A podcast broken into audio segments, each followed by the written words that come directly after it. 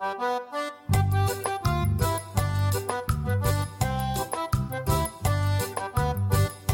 Frode, da er vi klar for en ny runde med Brobyggere. Toppers. Jeg er klar. Nok en fin intromusikk. Det som var litt spesielt her, at du har tatt på deg veldig gode sko i dag. Ja, nå har det blitt så mye klimaendringseffekter, så nå dundra jeg inn her på piggsko. Men siden vi er hos uh, de vi er hos, så har de parkett på gulvet, og da var det jo så flisende tørk her før jeg fikk Nettopp, for du fikk beskjed om å ta deg på beina, som var, var like greit. Vi er på besøk hos LO sin første nestleder, Peggy Hesen Følelsvik. Takk for at vi fikk komme på besøk. Å, takk, ja. Eh, vi, har, eh, vi har en liten agenda i dag, for det er en del ting vi lurer på. Ikke sant, Frode? Ja, det er det. Vi har noe som eh, Vi har kommet frem til en, eh, en, eh, en rar eh, ting som heter fellestiltakene. fellestiltakene. Mhm. Som jo egentlig er et slags eh, type samarbeidsprosjekt som står på skuldrene til norsk arbeidslivsforskning egentlig, og er forankret i hovedavtalen. Eh, og som har som grunnleggende idé at man skal drive såkalt bred medvirkning for å få mer lønnsomhet, Peggy. Og da er sånne, da må vi rydde opp i noen begreper rundt, eh, rundt hva, bred medvirkning. Og så et annet sted så opererer man også med medarbeiderdrevet innovasjon. Er det et slags forsøk på å gjøre så lange stavelser som mulig? Eller? Nei, det er vel mer for å finne noen eh, begrep som i lys av den norske modellen kan si litt om eh, på hvilken måte vi samarbeider i arbeidslivet i Norge, tror jeg. Um, og det med brei medvirkning det kan man jo trekke i mange retninger. Medvirkning er jo et begrep som ligger til grunn også i eh, bedriftsdemokratitenkninga. Um, og så har man da sett og har erfaring for opp gjennom tida at eh, det å kunne involvere medarbeiderne i drifta og i å bruke kreativiteten sin, også er med på faktisk å øke produktiviteten og dermed så, så styrke bunnlinja til bedriftene. Ja. Så dette er jo litt ulike begrep for å Egentlig så snakker vi om mye de samme tinga. Det er jo faktisk ikke småtterier at man blir eh, eh, Hva forskningen egentlig har, har fremvist av resultater her. Hvis vi går på denne her eh, nettsiden til, eh, til fellestiltakene også, så, så står det at det skal føre til både at eh, medarbeiderdrevet innovasjon vil føre til bedre lønnsomhet, bedre arbeidsmiljø, lavere sykefravær og mer tilfredse medarbeidere. Det, kan man få det bedre i det hele tatt? Nei, det er jo akkurat det. ikke sant? Og vi er jo opptatt av også at vi faktisk skal ha forskningsmessig belegg for eh, de aktivitetene som vi bedriver. og Derfor så har vi eh, også hatt med Sintef og har med de som da driver følgeforskning på en god del av disse prosjektene våre. Så det er helt riktig det at vi får gode resultater i bedriften der vi jobber. Så hvis du er arbeidstaker eh, i en bedrift, eh, kan være en industribedrift, så kan da ledelsen søke om de her midlene? Ja, ledelse og tillitsvalgte sammen. Ja. Det forutsetter jo at eh, begge parter underskriver denne søknaden, og det må være en godt begrunna søknad som sier noe om eh, hva prosjektet skal ha som mål, og på hvilken måte man skal eh, nå de målene. Og så er det også en betingelse at bedriften legger inn ressurser sjøl. Sånn at Man kan ikke bare komme til HF og få penger, man må også legge inn ressurser enten i forhold til økonomi eller arbeidstimer eller ulike mm, ressurser inn i prosjektet. da. Så hvis man da har godt, eh, en godt begrunna søknad, så kan man sende inn den og få den, eh, få den vurdert. Så jeg ser for meg en ingeniør da, som har en kjempegod idé, og så er det litt sånn eh, Rammen i bedriften er der, men man skulle kanskje hatt noe, noe støtte ut av et nytt prosjekt for å produsere et nytt produkt. Er, det, er det den type søknader som kommer? Ja, altså det er jo, hos oss så går det jo mer på den type prosesser, altså arbeidsprosesser. Ikke nødvendigvis så produktretta. Det går mer på arbeidsmetodikk og hvordan kan man gjøre ting smartere.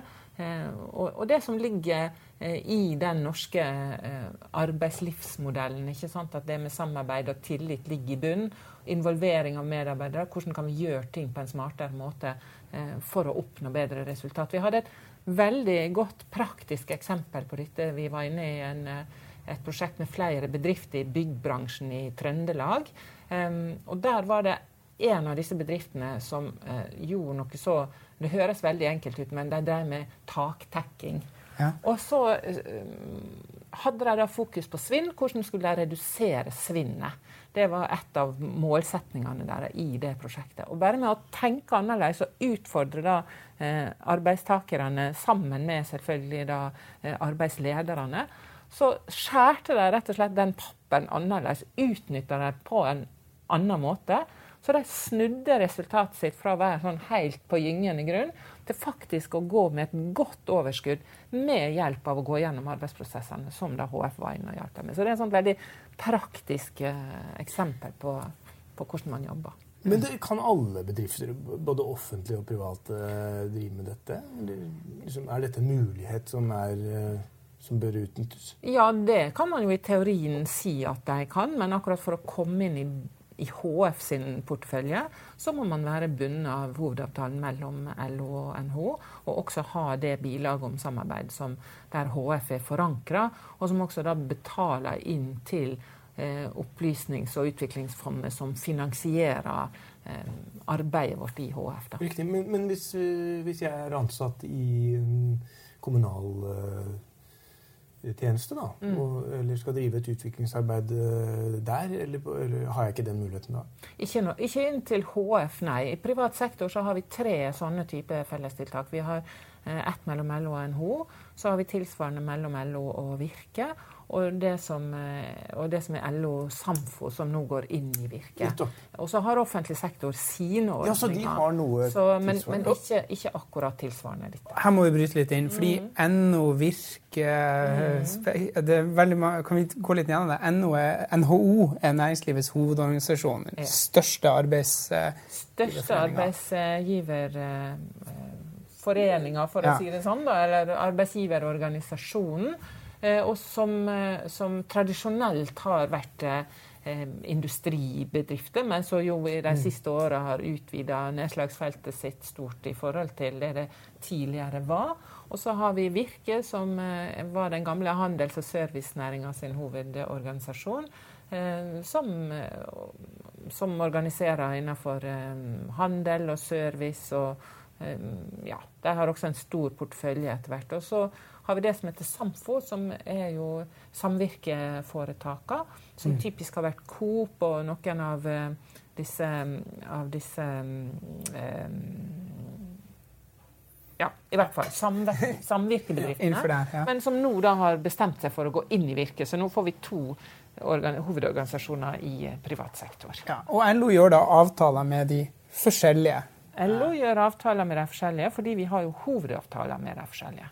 Nettopp. Ja. LO som snart har en million medlemmer. Snart en million, vet du. nevne. Ja, kanskje klarer vi det før oh. kongressen.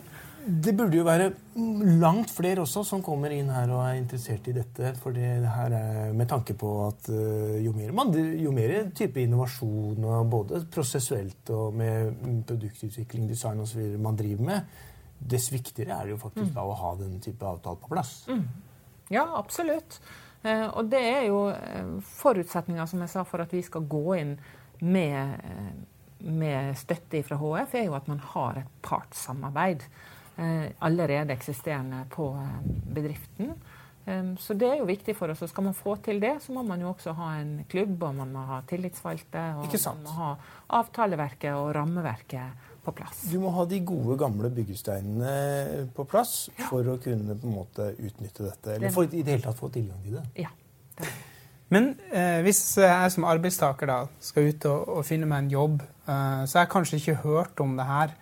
Er det, er det en stor pågang der ute? For det her høres ut som et fantastisk tilbud, mm. men det er ikke så mange som snakker om det. Så vanlige arbeidstakere, hvorfor skal de bry seg om det direkte? Ja, nei, det er jo litt synd at det ikke er så mange som snakker om det. og Jeg tror nok at mange tar ikke bare dette, men mange av de fordelene som vi har ved den norske arbeidslivsmodellen, litt uh, for gitt. Vi burde mm. jo være mye flinkere å snakke om resultatet av det.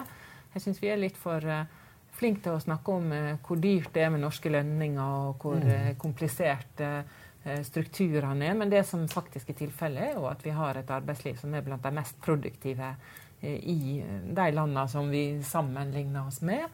Og nettopp disse strukturene er jo en av grunnene til at vi er det. Og egentlig ikke er så veldig redd heller for om eh, prisen på en arbeidskraftstime blir høy så lenge produktiviteten er tilsvarende høy. For da er det jo produktkostnaden som sådan, enten det nå er vare eller tjeneste, blir lavere. vet du. Så det er jo en kjempekonkurransefordel, dette her.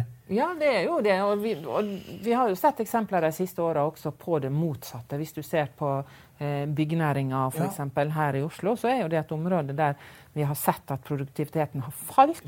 Og det er jo fordi at når arbeidskraft blir billigere, så bruker man mer arbeidskraft og driver mindre eh, innovasjon. Eh, så når det var, ble enklere å hente billig arbeidskraft fra Europa, så falt innovasjonskrafta.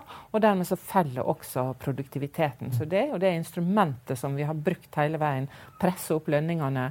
Så må man jobbe, være mer produktiv. ikke sant? Så, så, så det, er den, det, er virkelig den norske arbeidslivsmodellen. Vi har kalt podkasten for Brobyggerne. For vi ser på de som bygger broer mm. mellom forskjellige standpunkter. Mm. Men det er kanskje ikke forskjellige standpunkter mellom de partene som arbeider med det her? For man virker jo å være veldig enig om mm. at det her er en god idé. Mm.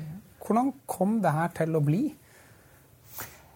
Det er jo betinga at vi klarer å opprettholde en høy organisasjonsgrad eh, i Norge. Og at vi passer på disse verktøyene som vi har, disse strukturene som vi har i forhold til eh, tariffavtalene våre, i forhold til samarbeid, i forhold til lovverk. Og da trenger vi jo at vi har for det første sterke organisasjoner, både på arbeidstaker- og på arbeidsgiversida. Og så trenger vi jo også eh, regjeringer og politikere som skjønner verdien av dette. Eh, og hvis vi eh, ikke klarer å opprettholde det, så klarer vi jo heller ikke å opprettholde den uh, lønnsdannelsen som vi har, som er viktig igjen for produktivitet. ikke sant? Mm. Så disse tingene henger jo veldig nøye sammen. Og i bunnen for dette så ligger jo bedriftsdemokratiet. Mm. Som jo heller ikke er noe som har kommet av seg sjøl. Fordi eh, jeg har vært på nok eh, sånne konferanser opp igjennom til å vite at den store festtaleretorikken fra både LO og NHO egentlig mm. handler om disse tingene. Men, men, så man også, så hører vi veldig ofte om trepartssamarbeid som en sånn type ting. Som, men her er vi vel egentlig mer nedpå det vi kan snakke om utviklingsmuligheter ved å ha avtale lokalt. Altså et slags topartssamarbeid. Ja. Ja.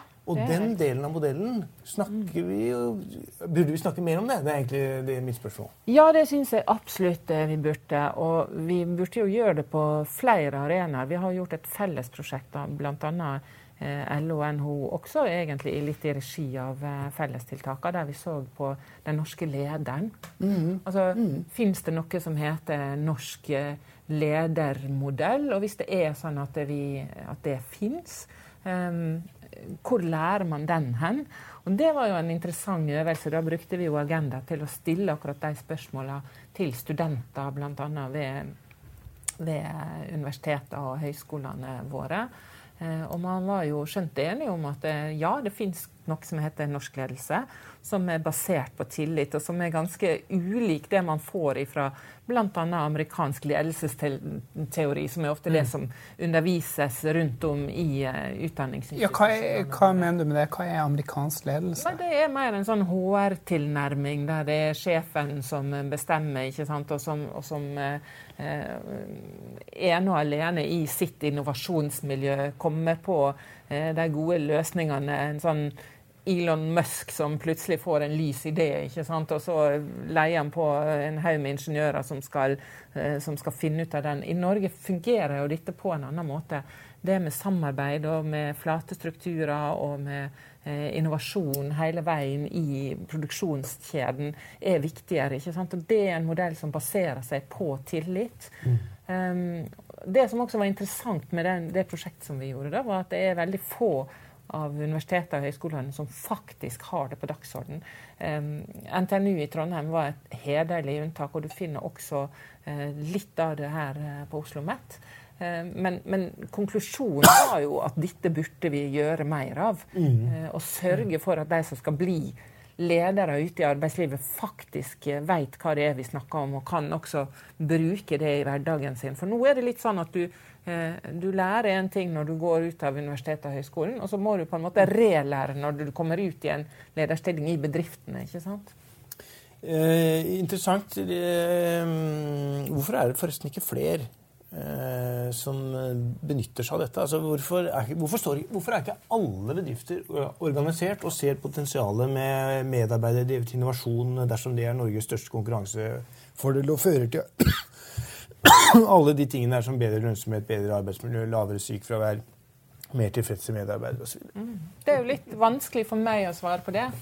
Det burde du jo egentlig spørre de bedriftene om. Hvorfor ser ikke de verdien i dette? Ikke sant? Men, eh, men, samtidig så er det jo ikke noe tvil om at vi hele tida prøver å være flinkere til å markedsføre det. Nå begynner du. ja. Hostemaraton. Men for å stille spørsmålet på en annen måte, da. Er dette en modell som burde eksporteres til utlandet, heller enn at vi importerer da, f.eks. amerikansk ledelsestankegang og HR-ideer? Det er litt morsomt at du sier det, for vi tok jo faktisk med oss dette prosjektet til Brussel sammen, LO og NHO. Og så inviterte vi litt av eh, det som er våre nettverk rundt eh, Brussel-kontorene våre, eh, til å komme og høre på Eh, fremleggelsen av denne rapporten. Og vi hadde også med oss en tillitsvalgt i en stor norsk eh, bedrift i Europa, en tysk eh, som, var, som, hadde produksjonen sin i Tyskland. Og han fortalte jo at de tar jo faktisk med seg mye av det samme når da den norske bedriften etablerer seg i Tyskland. Så han var veldig fornøyd med akkurat uh, denne måten å, å organisere arbeidet på. Og det er klart, eh, Hvis ikke han var fornøyd, så hadde vi vel ikke tatt han med oss til det arrangementet heller. Men det var veldig morsomt å høre at det, det går an å eksportere noe av den norske tenkninga også. Men, men, det er helt klart at vi fikk en del interessante spørsmål der fra eh, andre land som var der og hørte på, som lurte på om ikke vi kunne komme og fortelle mer om dette. her. De synes Det hørtes ganske fantastisk ut, eh, denne måten å samarbeide på. At vi overhodet kunne være der sammen LO og NHO å presentere en sånn type prosjekt. Da. Ja, fordi frontene i arbeidslivet andre plasser i Europa er, hvis det er rimelig å beskrive som, ganske mye hardere enn her. Ja, det er helt klart. Og den dialogen som vi har både sentralt hovedorganisasjonene imellom, og ikke minst det samarbeidet som man har ute på bedriftene, som jo dette bygger på, er noe helt annet når det kommer ut i Europa. Eh, og Det ser du jo også på antall streikedager, f.eks., som jo er lavt i Norge i forhold til mange av de andre landene vi har eh, rundt oss. Vi kan eh, være skikkelig uenige og stå på barrikadene når det trengs. Det gjør vi jo med jevne mellomrom. Men så har vi også et sett med regler og lover som, som sier hvordan dette skal praktiseres. Og når vi da er i det som heter fredstid, så, mm, så, så så samarbeider vi eh, utenom eh, Når vi ikke er i, i forhandlingssituasjoner. Jeg har lyst til å spørre deg litt om din bakgrunn. for Du er første nestleder i, eh, i LO, mm. som jo er et toppverv i, i, norsk arbeidsliv, for å si det mm. forsiktig. Men hvordan, hvordan var den reisa? For du har bakgrunn fra flybransjen. Ja, jeg kommer fra luftfartsbransjen og begynte i sin tid som sommervikar på flyplassen på Vigra i Bråtens, det var jo i forrige årtusen.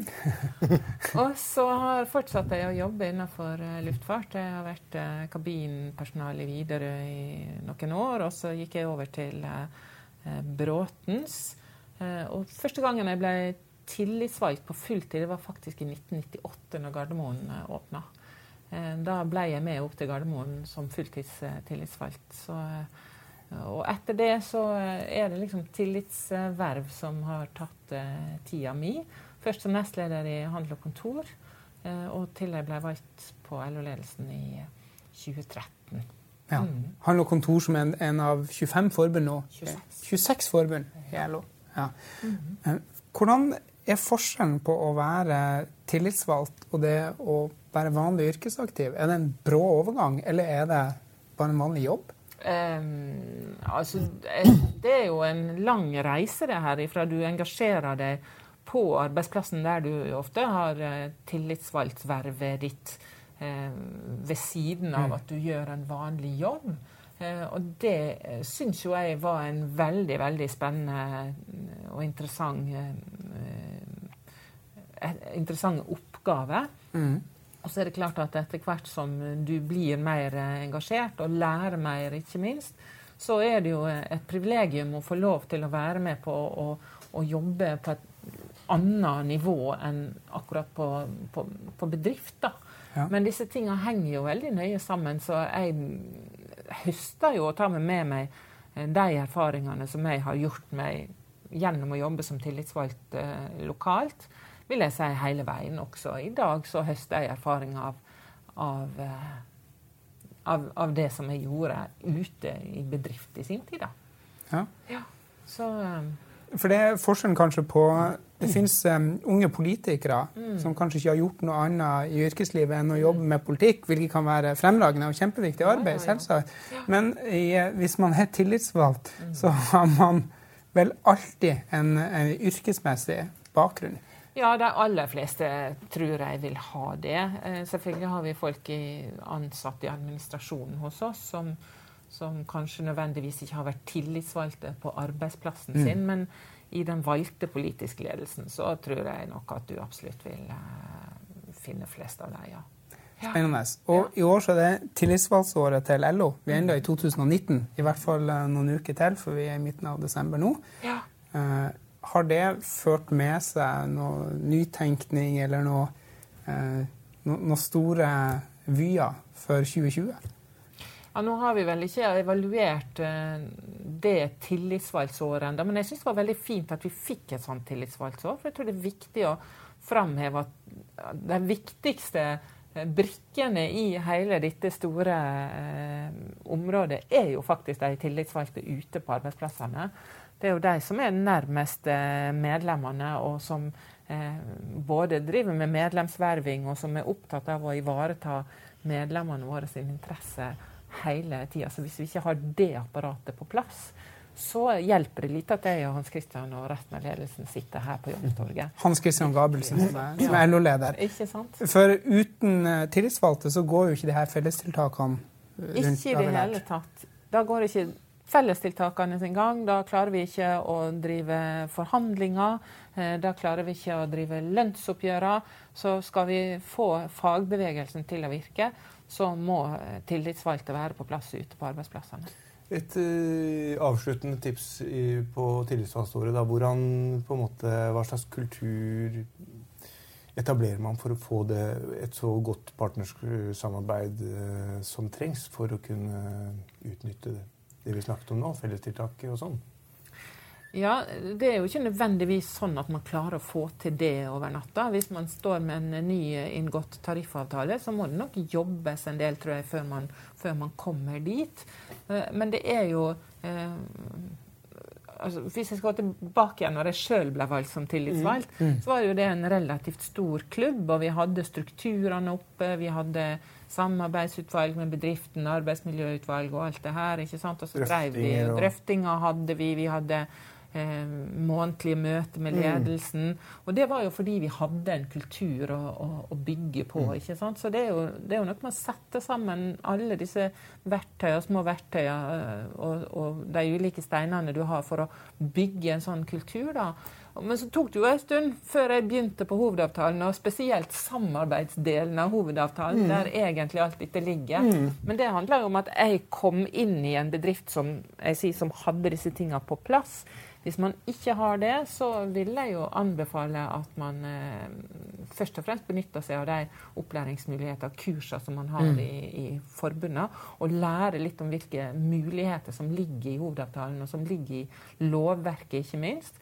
For rett og slett det å, i det rent sånn strukturelle å bygge tillit og bygge et samarbeid. Mm. Ja, det er mange som eh, Det er gode ord, det. Mm eh, som er opptatt av at eh, Eller fokuserer mindre på at det er ganske mye stort mulighetsrom i, mm. i hodeavtalen. Og den er tross alt tre deler. Det er ikke bare å konsentrere seg om den første, men eh, del B og C. Ja. Viktig. er det store muligheter. Men jeg er ikke redd for det at uh, hvis de skal drive dette samarbeidet på, også på det, på det, nivået som LO og NHO gjør, betoner såpass mye verdien av samarbeid. Blir man da på en måte tilstrekkelig gode til å være uenig når man skal være uenig? Altså, det er jo noe med Eh, du skal, du skal håndtere et sånt På norsk har vi til og med et eget ord for det. Konfliktpartnerskap. Mm. Mm. Er ikke det veldig vanskelig?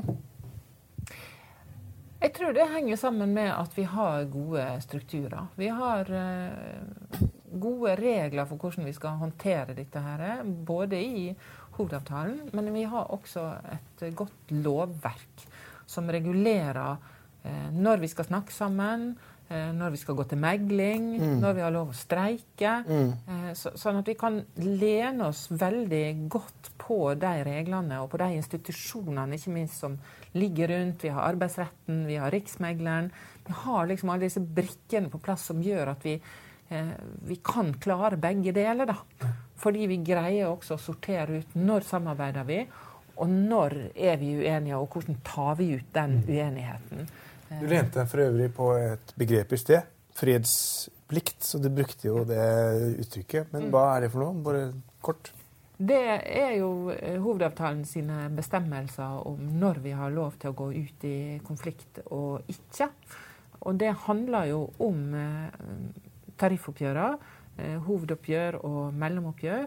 Så har vi også en mulighet til å gå til politisk streik. Men utafor de eh, rammene, så er jo ikke streik lovlig i Norge. Nei. Sånn at der har vi tydelige bestemmelser. Så når en avtale først løper, så, så løper den? I motsetning til en del eh, andre land, i Frankrike f.eks., mm. der streikeretten er grunnlovfesta, mm. Eh, så kan føre til en del mer interessante situasjoner, kanskje. Ja, um, og det handler jo ikke om, om uh, nødvendigvis grunnlovfestinga, men det handler jo om at franskmennene Eh, organisasjonsgraden der er jo dessverre blitt veldig mye lavere i løpet av de siste åra. Men mm. allikevel så ser du jo at de mobiliserer når det er snakk om eh, viktige eh, endringer. Akkurat nå er de jo ute i streik i forhold til eh, pensjonsreform, f.eks. Mm. Eh, men om de klarer å få så veldig mange eh, bedre resultat av den fremgangsmåten, det er jo vi litt mer usikre på. Vi må prøve på en ting til, som vi kan få et lite skup før vi runder av. 2020 mm -hmm. er et hoved, såkalt hovedoppgjør. Mm -hmm. Har du noen stalltips til hva som kommer på agendaen da? Det blir jo spennende å se, fordi det blir jo opp til forbundene. Og nå er det jo eh, lenge siden man har hatt anledning til å forhandle forbundsvis. Mm. Da åpner man jo eh, tariffavtalene og har anledning til å virkelig gå inn i de eh, enkeltsakene som er viktige for forbundene. Så det skal jo bli veldig spennende å se hva de vil eh, prioritere framover nå i lønnsoppgjøret. Det skal jeg følge nøye med på. Og den som vil vite mer, må rett og slett følge med. Kan følge med hos sitt eh, LO-forbund og se hva som skjer. Og så kommer det da et representantskap mm. i LO der man vel vedtar Der vedtar man hovedlinjene for oppgjøret. Ja. ja. Vet du hva? Vi må nesten si tusen takk for både kaffe, pepperkaker Eh, god drikke. Og vann. Og vann. Så lenge det varte. så lenge det varte. Og så håper jeg parketten overlevde som passer til Frode sitt eh. Han får ta skoa i hånda nå. Og har, har dere kapasitet til mer i fellestiltakene? Skal vi oppfordre folk til å melde på prosjekter? Ja, du, nå er det sånn at det faktisk søknadsfristen Vi har behandla en, en, god del søknader for uh, neste år. Uh, men uh, vi har alltid litt å gå på. Så, så, det går godt an å, å, gå inn på hjemmesidene til fellestiltakene og, og, se om det går an å få til flere gode prosjekter. Peggy Hessen Følsvik, tusen takk for at vi fikk komme på besøk. Vi må ha en fistbump, som er blitt en sånn rituale. Så, så må vi ha fistbump. Og vi er tilbake 2021, vi, Frode. Før, 2021, ja. Før det. Ja, nei, vent. 2020, faktisk. På gjenhør. På gjenhør.